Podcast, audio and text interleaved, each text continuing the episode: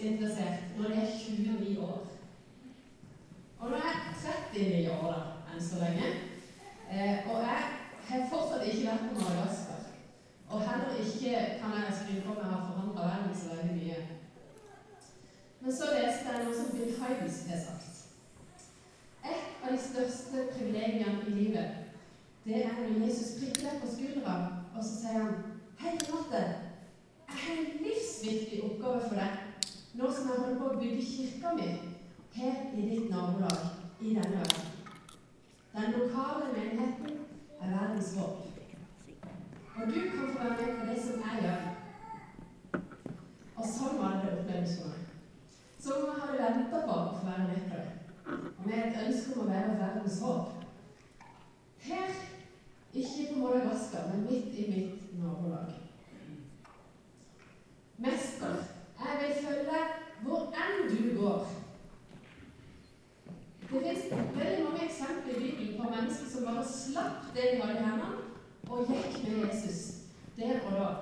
Og jeg lurer på hva de har sett, og hva de har skjønt, som jeg ikke har forstått, siden de bare kunne gå fra alt annet og bli med på det han hadde tenkt å være med på. For jeg, jeg tror at jeg, og kanskje mange, har en sånn oppfatning av at når Jesus spør oss om å følge ham, så er det noe voldsomt opprivende og oppofrende og skikkelig livsforvandlende. Du må reise langt, langt vekk.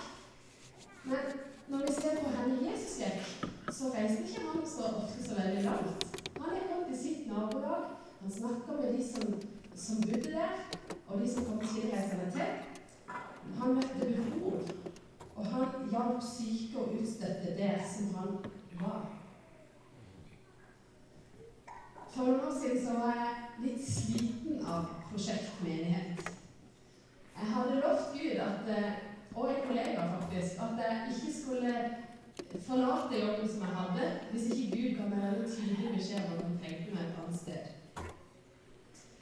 Og så var vi på retreat på Grosas, som er et herlig sted å være. Eh, og Der leste jeg litt sånn eh, tilfeldig fra Esekiel 47, for der har vi noen notater.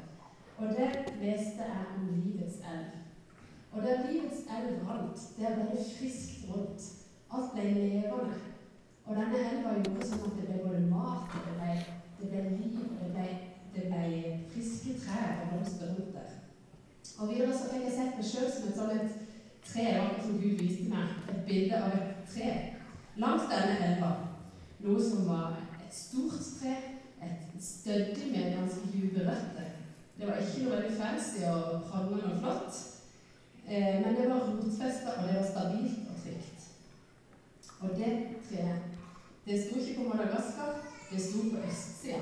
Og det står faktisk på østsida i dette avsnittet i Esekiel.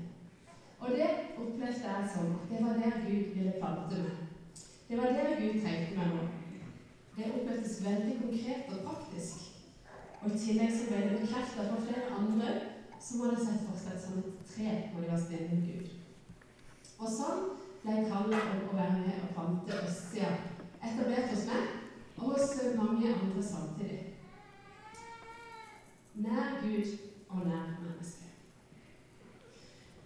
Når Jesus kalte disiplene sine, så sa han 'følg meg' så tenker jeg Peter og Jakob og Johannes og de andre som ble utfordra på dette, de har hatt tusen gode unnskyldninger for å bare si eh, Bare i det øyeblikket jeg skal bare fikse noe.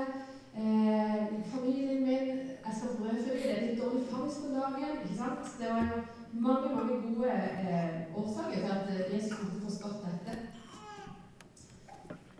Evangelisten Egil Løversen han definerte å bli kristen på denne måten her Å forenes med Jesus Kristus og hans interesse i verden.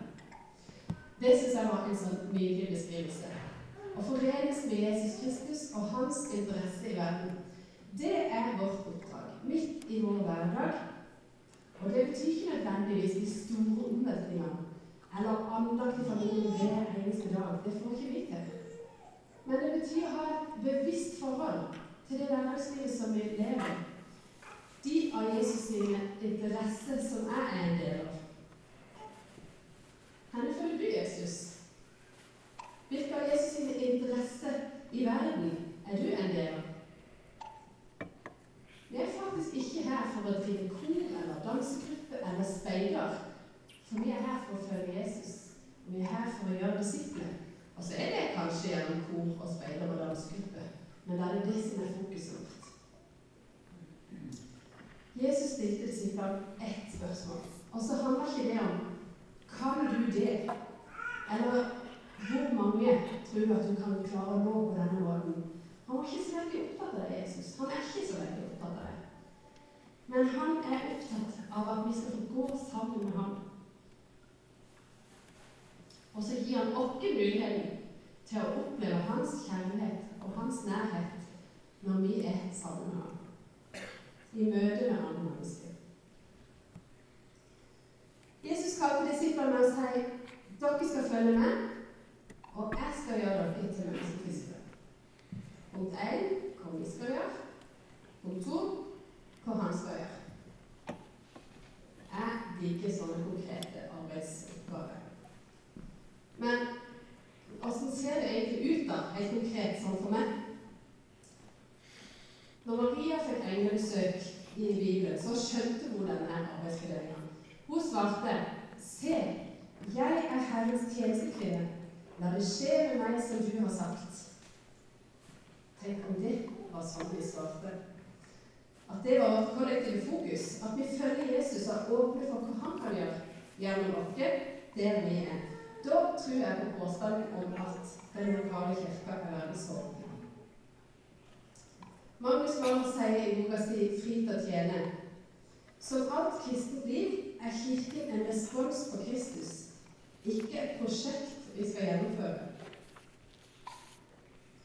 Vårt kristne liv skal ikke være dugnadsarbeid eller pliktoppgave. Og jeg har lyst til å si at Hvis du kjenner det sånn å være med i menigheten vår, eller i noe av det som du står i, så oppfordrer jeg deg til å ta en pause. Bruk den tida du bruker egentlig i den oppgaven på å være sammen med Jesus. Søk Han. Spør Han han trenger han det. Jeg tror det ligger en nøkkel her. For det er ingenting som er så slitsomt som alle disse burdene. Jeg burde jo ha bidratt her, eller jeg burde jo egentlig synes dette var veldig gøy. Jeg burde ha stilt opp for Jeg vet at vi har en over gjennomsnittet aktiv menighet. Mange av dere er aktive både i kirka og utenfor kirka. Og kanskje kan det noen gang føles som en sånn tilleggsbelastning å skulle være kristen i tillegg til å være aktiv på alle disse andre arenaene som, vi burde. Ikke sant? På menighetsturen som vi var på i høst, så minner gjerne skolen dere om at vi skulle få lov å bli det vi allerede er. Og vi er Guds barn. Det er det vi er. Det er Gud som gjør, og vi skal få være. Og det kan jo være uansett helse, økonomi, familieforhold ja, alle, alle, livets faser kan du være Guds barn. Du får lov til det. Det er et privilegium. Hele livet. Og så må du hele livet ta aktive valg for deg sjøl. Hvis du vil være med og bestemme hvem som skal få bestemme over deg. Oppdraget vårt er følge Jesus ikke være med på et menighetsprosjekt som skal se mer eller mindre vellykka ut. Thomas Sjøvin sier at den som finner sin plass, tar ingen annens. Paulus kaller, Krist, eh, kaller kirka for Kristi kropp. Så når du hører folk snakke om behov i søndagsskolen, eller i friidrett, eller som fotballtrener eller i velforeninga, så skal du slippe å ha dårlig samvittighet for at du ikke orker enda et verv. Men du skal jobbe med å finne ut hvordan du kan bli det du allerede er. Du er Guds barn, og du tilhører Kristi kropp. Så hvis du er en arm, så skal du slippe å gjøre øverste oppgave. Ikke sant? Det er jo ikke bra engang om du prøver på det. Men du har ansvar for å finne ut hvordan armen best mulig kan fylle sin rolle. Så må jeg bare si at for oss ansatte, kanskje mest spesielt, så er dette et evig dilemma. For jeg har så lyst å være den som sier vær sammen med Jesus. Og så samtidig så skal jeg fylle alle disse plassene i denne stadig voksende menigheten som skal ta vare på barn og på unge og voksne. Da må du bare tilgi meg for at jeg kanskje maser litt av til. Og så må du øve deg på å si nei. Og så må jeg øve meg på å prioritere hvilke plasser som er viktige, og hvilke steder som kan stå tomme.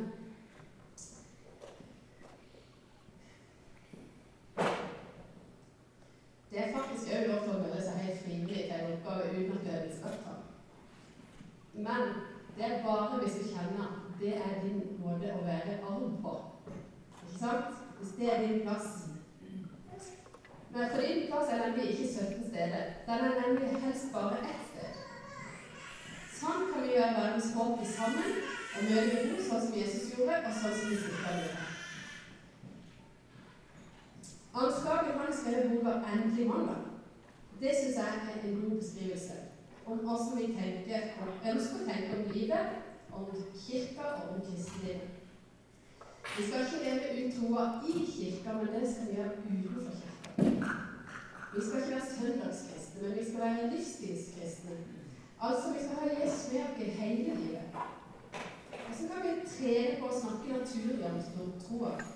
Og så kan vi modellere for barna våre, sånn at slekt kan følge slekters gang. Eller at nye mennesker får lyst til å finne ut hva som egentlig driver oss. Vi har muligheten til å ta aktive valg for vår egen og barnas trosutvikling. Og hvis vi ikke gjør det, så er det noen andre som tar de valgene for oss. Hvor vi fylles med, og hvor vi ledes hen. Vi ønsker at Kirka skal være et pitstop, et sted der du får påfyll og oppmuntring til hverdagslivet, sånn at du frimodig kan følge Jesus og være verdens håp der du er. Jeg har tidligere fortalt her fra scenen her at jeg ikke er så veldig god i blomster. Altså, vi er på vei inn i den helt kunstige planteverdenen hjemme hos dere. Jeg har hatt med en levende blomst i dag. Helt utrolig han lever fortsatt. Eh, og så står det en veldig fin potte som jeg fant på en butikk eh, for noen år siden. og Den måtte jeg bare ha. For der står det 'Bloom wherever you are planted'. Og så valgte jeg å tenke mer om det om meg enn om plantene mine. Eh, og så tenkte jeg hvordan kan jeg være verdens håp i min hverdag? Hvordan kan jeg blomstre det som jeg er planta? Noen ganger så tror jeg vi trenger å hjelpe hverandre til å se de mulighetene som vi har, og bli bevisste på hvor vi er planta. Er det bare det som skjer i kirka, som er gudstjeneste? Da er vi tilbake til den viktige arbeidsfordelinga. Dere skal følge med. Jeg skal gjøre dere til menneskefiskere, altså hva han skal gjøre, og hva jeg skal gjøre. For nokså nøyaktig ett år siden så var denne karen her på avisside og i TV-intervjuet. Stein Arne Borrud er pastor i Kristiansand frikirke, men han er òg fotballtrener for et guttelag. Og på laget sitt er det noen få enkle regler. Du skal snakke fint om og til egne og andres spillere. Du skal aldri kjefte på dommeren, og du skal ikke banne. Er det gudstjeneste? Absolutt. Tenk på en forskjell du kan gjøre med å være en annerledes fotballtrener. En som ser alle og heier på alle. Klart du kan være verdens håp å være fotballtrener i guttelaget. Det er den aller, aller beste. Stikk deg ut med å heie på alle. Tør å være et voksent og godt forbilde. Vi trenger sånne kristne trenere og ledere absolutt òg utenfor kirka. Jeg kan ikke trene fotballag, heller ikke håndballag eller andre ting, men jeg er ganske god på å sitte i komité og organisere ting og sånt. Så helt fra liksom skolebarn for første gang så engasjerte jeg meg i FAU. Og mange tenker sikkert at det er dritkjedelig verv som noen bare må ta på seg, for det er ingen andre som vil. Men jeg syns faktisk at det er ganske meningsfullt. det stadig at jeg får lov å være med og mene noe om verdivalg og ha noen tanker om menneskesyn når jeg sitter i disse eh, styremøtene og FAU-møter. Gjennom årene så har jeg fått lov å være med og prege hvordan Jusvikdagen skal se ut, f.eks. Før var det en ren aktivitetsdag. Nå har vi invitert inn lag og foreninger til å og sitt tilbud. Og plutselig fikk jeg lov å stå midt i skolegården og fortelle om kirka mi sammen med en del andre lokale positive aktører. Neste gang vi skal møtes på FAU, da skal vi diskutere konseptet rød dag. Ja, det heter faktisk rød dag. Det heter ikke juleverksted på vår skole. Det heter rød dag. Nå er snart klar for gul dag. Og dette har jeg prøvd å lufte i FAU tidligere, men da var det ikke så veldig mye respons. Men nå er det mange kristne i FAU, og flere som har tørt å si noe om det. Og faktisk er det ganske mange andre òg som syns det er litt rart at det heter rød dag og gul dag, når alle vet at det er julaften og påskeverksted vi egentlig har. Kanskje ikke dette er et kjempelivsviktig sak, tenker du, men jeg tenker at det handler om å snakke bevisst om det som vi er med på, sånn at vi får være med og prege de arenaene vi har. Gå med, med heva hode i disse settingene. Og hvis ikke vi mennesker får sånne vær, så er det noen andre som fyller dem. Og før er det mange Jehovas vitne i FAU på vår skole. Fordi de òg hadde en bevisst agenda med å være der. Det er ikke alle som skal være der. Men noen av dere, vi som kjenner her kan jeg gjøre en forskjell. Her kan jeg ha min gudstjeneste i min hverdag. Ikke gjør det bare for dugnadens skyld, men fordi det kan gjøre en forskjell. Og så tror jeg, og har erfart det, at folk har respekt for engasjerte, oppriktige mennesker, selv om ikke vi nødvendigvis alltid er enige om ting. Kanskje er ikke du sånn som vi kommenterer med heller. Kanskje er du en praktiker. Du kan være den som stiller på dugnad i velden. Du kan være den som ønsker velkommen til nabolaget. Du kan invitere noen av de nye landsmennene på middag. Du kan si noe til en ensom nabo. Du kan være raus med å kjøre til og fra diverse aktiviteter, selv om det egentlig er den andre foreldre tur. Du kan være besøkshjem eller fosterhjem. Det er en kjempeviktig oppgave. Du kan gi en oppmuntring til hvor det nye helt bak hjørnet på treningssenteret. Du kan sende en melding til noen i barna klasse eller på jobben din som du vet er vanskelig. Vis at du bryr deg. Det koster så lite å sende en melding, men det betyr noe å få den. Det er en gudstjeneste. Du kan være med og gjøre en forskjell. Tenk om vi kunne starte dagen sånn. Kjære Gud, Hellige Ånd, led meg til noen jeg kan bety en forskjell for i dag. Noen jeg kan bringe håp. Jeg tror egentlig at vi får supermange muligheter i løpet av en dag, men vi går forbi mange av dem. Tenk om vi tørte å gå de minnelsene som Gud gir oss. Og på kontoret har jeg nesten gått litt sånn sport i eh, hvem av dere som skal gå på butikken. For det kan jo være vi får en sånn gudegitt samtale i butikkøa. Jeg håper du kjenner deg mer inspirert enn svett når du hører alle disse eksemplene. Ingen av dere skal gjøre alle disse tingene her. Men du skal få spørre Gud hvor du kan være med. Vi husker jo ofte de gangene vi har fått gi noe som er betydning, enn de gangene vi har fått noe fint, sier Øystein Hjemme. Og da får vi anledning til å oppleve Guds nærvær og kjærlighet i møte med mennesker. Jeg strevde i mange år med menneskefrykt og mindreverdighetskompleks.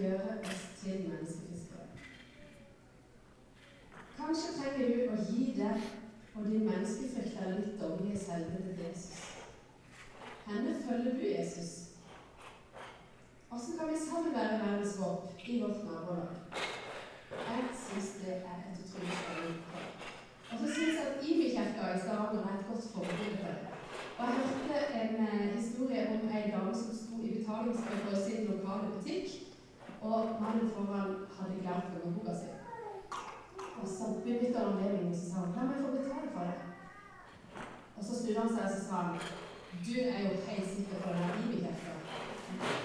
Og det var hun jo. Og da tenker jeg fantastisk for et rykte å ha fått i nabolaget. At de fra den Imi-kirka, de er litt annerledes. Tenk om det var sånn det ble. Og de fra den østsida, de er litt annerledes. Du er sikker fra du. I andre Korinterne 3 leser vi. For dere viser at dere er blitt til ved vår tjeneste. Det er ikke skrevet med blekk, men med den levende Guds ånd. Ikke på steinkaller, men i hjerter, på tavler av kjøtt og blod. Siden vi har et slikt håp, går vi fram med stor frimodighet. De mennesker som vi møter, de leser ikke Bibelen nødvendigvis, men de leser oss. For noen år siden så hadde vi noen leietakere på sommeren. Det hender hver sommer, og pleier å gå veldig bra, men akkurat den gangen så var det litt annerledes. Eh, hvert fall når jeg er et sted og jeg ødelegger noe muskler, så har jeg ofte lyst til å gjøre opp for noe. sant? Og her var det da i dette reisefølget ei jente som hadde funnet rød sprittusj og gått amok med den inne på et av noen sitt rom. Det var sprittusj overalt. Eh, og denne diskusjonen om hvordan vi skulle rydde dette opp, foregikk på mail. Og jeg hadde utrolig mange på. En ganske god argumentasjon. Så, eh, så jeg hadde klar helt til jeg kom på at mailadressen min heter renate.orre.frikirken.no. Og så måtte jeg balansere innholdet litt før jeg kunne trykke på send. Så tenkte jeg etterpå kanskje jeg ikke alltid burde gått med denne frikirken.no i panna. For vi er jo tross alt Kristi brev. Og heller enn en belastning så er det egentlig en fantastisk mulighet til å få lov å gi videre noe av Guds godhet og kjærlighet til deg som vi møter. Vi er annerledes. La oss være positivt annerledes. I dag lærer ungdom utrolig mye om at det er helt greit å være annerledes. Men samtidig er det kanskje enda vanskeligere enn noen gang å stå opp for Jesus i dag. Oppdraget vårt er fortsatt å følge ham. Og på den måten være positivt annerledes. Så er resten opp til Gud. Vi kan lese om mange bibelske personer som utgjør en forskjell i sitt nærmiljø ved å være positivt annerledes. Jeg tenker f.eks. på Noah. Han bygde en båt langt opp på land, men var trofast til Gud. Han vakte nysgjerrighet. Gutten med disse pakka som var det lille han hadde fått, han var veldig annerledes enn alle de andre. Josef hos Potifar, han som egentlig hadde all grunn til å være sur og sint, han jobba og var trofast. Han møtte behov, han tyda drømmer. Han var sann og heil i alt han gjorde. Eller denne tjenestejenta til Naaman som turte å gå til ledelsen. Det var jo helt uhørt, hun turte å gå og si 'Jeg vet om en som kan hjelpe deg'. Alle disse skapte kjærlighet, og de møtte behov. Og så kaller vi ofte disse bibelske personene for troshelter. Men så kan vi lese andre steder om at mange av de absolutt ikke var perfekte. Men det var positivt annerledes. Og det drømmer om at jeg skal få være. At vi som kirke skal få være. At det vil vekke folks interesse for hva som er drivkraften. Og så tror jeg det vil skinne igjennom.